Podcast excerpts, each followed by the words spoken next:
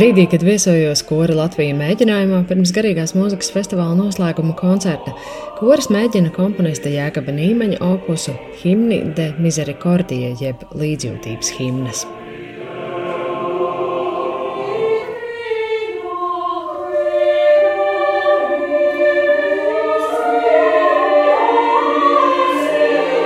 Jēkaba Nīmaņa vārds ir Latvijā visplašāk zināmais no četriem komponistiem, kuri šoreiz uzaicināti radīt jaundarbus korim Latvija. Nīmanis valsts korim rakstījis jau iepriekš ciklā Latvijas komponisti Latvijas simtgadē, bet garīgās mūzikas festivālā šī viņam ir debija. Pirms 13 gadiem ar Sigūdu Kļavu radiokoru mums bija tāda ekspedīcija, kur rezultējās koncertā Litānija, kur bija katoļu krustu dziedājumi. Un tas man bija tāds, varbūt tāda pirmā tāda satikšanās ar tādu nopietnu kora mūziku ar ļoti augstas klases izpildītājiem, un arī simfonētas stīgu grupa, un man tur bija tādas arī elektronikas. Un, un tāds ļoti, ļoti tāds mērogs bija liels. Tas man bija tāds, varbūt, kas man iedeva kādā ziņā pat šajā, šajā gadījumā tādu grūdienu šim tēmai.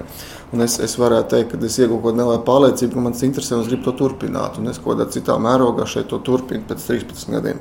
Komponists augstu vērtē sev doto brīvību jaundarba radīšanā.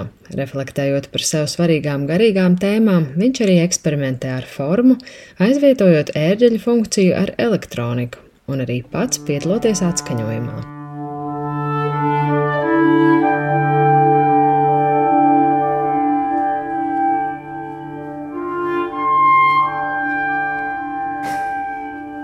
Man gribējās integrēties tajā tēmā, tā pilnīgi fiziski, ka es esmu klātesošs arī skaņu radē. Un, tā teikt, piedalos korī.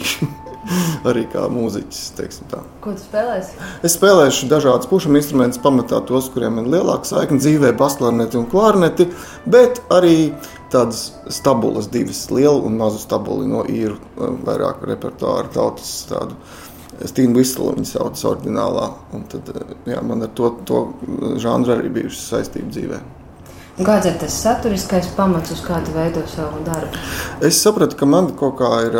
Man vispār interesē tēma, kas saucās himna.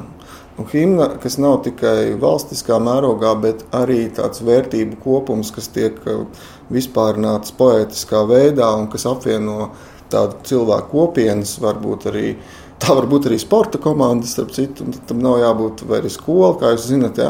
Bet mums, protams, tas ir vairāk valstiskā mērogā, tradicionāli, bet, protams, tas nāk no baznīcas. Un, teikšu, baznīcas himna kā tāds viens no būtiskākajiem šī žanra attīstītājiem un, un varbūt paraugiem man likās visinteresantākais. Un es paņēmu tekstus no šīm baznīcas himnām, un man likās, ka tieši tā tēma par līdzjūtību un par uh, līdzcilvēku teikt, sāpēm un, un varbūt spēju arī palīdzēt un pieslēgties, nepalikt vienaldzīgam. Nu, šī tēma nav aktuāla tikai karos, tas ir aktuāli, man liekas, jebkurā situācijā.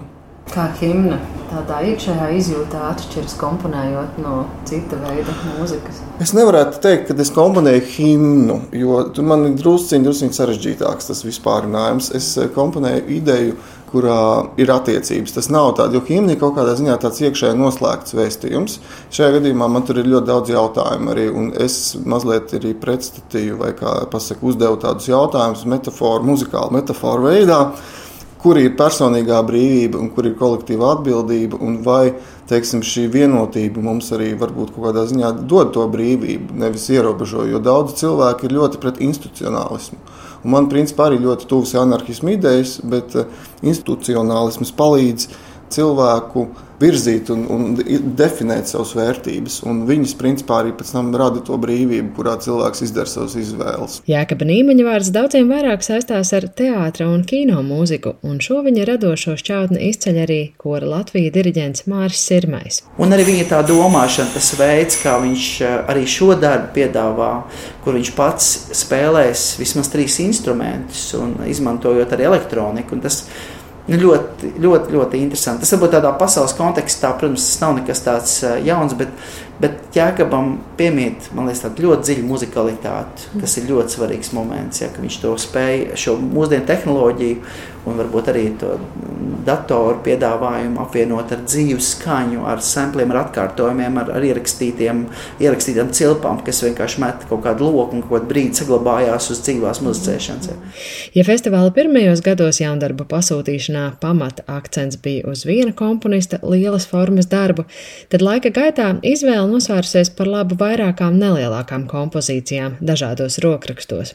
Tā ir iespēja arī pavisam jaunajiem komponistiem, stāsta Māris Sirmais. Tā kā šī reizē tie ir divi jauni komponisti no Latvijas. Tie ir absolventi, vēl tie, kas vēl, vēl mācās kompozīciju. Tas ir varbūt konsultējoties un sadarbojoties muzikas akadēmijā, kāda autora pieņemsim Renāts Nikolais Cvečkovskis, kas ir arī pavisam jauns vārds un, maz zināms. Viņš, viņš nāk pats no Daugavpils un, un tāds dziļi, pareizticīgs, ticīgs cilvēks tādā garā. Viņš ir audzis un arī tā muzika, man liekas, caurstrāvo. Mēs šodien arī ar viņu tiksimies pēdējā stundā mēģinājumā.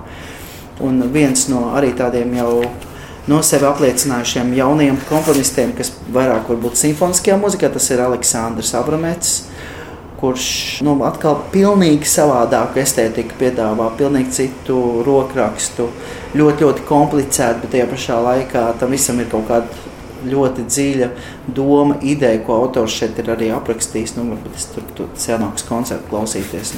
Pats Aleksandrs Avramets nesen intervijā Latvijas Rādio 3 klasika kolēģei Rūtai Paulē stāstīja, ka savā darbā Ex Infinito vēlas runāt par laika, kustības un rašanās bezgalību Kompozīcijai viņš izvēlējies dažas rindas no seno romiešu dzinieku un filozofa Lukrēcija poēmas par lietu dabu. Bija ļoti patīkami rakstīt pilnā sastāvā korim, kas ir 48, 50 dziedātāji. Garums bija norādīts kā 5 minūtes, un tas man arī noteikti bija visai liels izaicinājums kā izveidot skaņdarbu pār uh, laika un kustības bezgalību, kas ir tikai 5 minūtes garš cik es tā dzirdēju no dziedātājiem, ir ļoti izstrādāta, ļoti smalki izstrādāta partitūra, kora 16 balsis pat. Jau. Jā, man parasti patīk daudzslāņainas faktūras un dažādas tur nokrāsas un nianses, ko var atrast. Tāpēc, jā, es izgāju uz tādu visai, nevarētu teikt, maksimālu pieeju, bet kaut kas uz to pusi, jā, 16 daļās koras ir.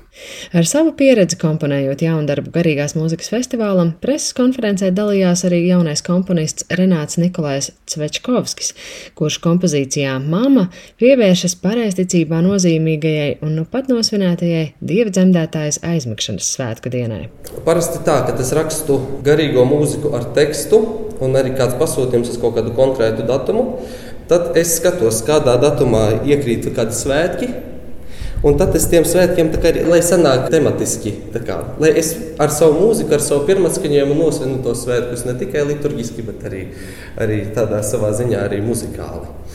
Manā skaņdarbā jūs dzirdēsiet arī kaut kādas varbūt pareizticīgās baznīcas dievkalpojuma notiņas, jā, bet tajā pašā laikā tas viss vainagojas manā rokrakstā Jaunu skaņdarbu korim Latviju ir radījis arī slovēņu komponists Matejs Kastelits, kura mūziku Māris Sirmais savulaik iepazinis būdams žūrijas priekšsēdētājs Slovenijas pirmajā starptautiskajā diriģentu konkursā. Šajā konkursā piedalījās vairāk slovēņu izcilu koru, un viens no tiem bija Mūzikas akadēmijas kurs. Viņi dziedāja tādu, nu, tādu paraugu demonstrējumu koncertu ar dažiem skaņdarbiem. Un, un tad es pirmo reizi biju nu, tik ļoti saviņots kad mūsdienās kāds var rakstīt vēl tik ārkārtīgi skaistu mūziku un tajā pašā laikā tik ļoti modernu mūziku.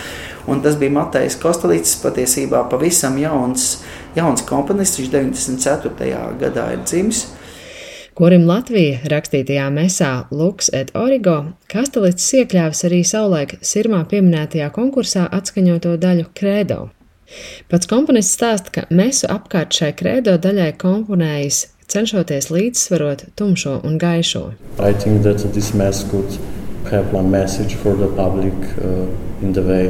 Kā saka pats komponists, šīs mēsas vēstījums varētu būt pati svarīgākā ticība ir ticība pašam sev. Pēc tam var izvēlēties, kam vēl ticēt.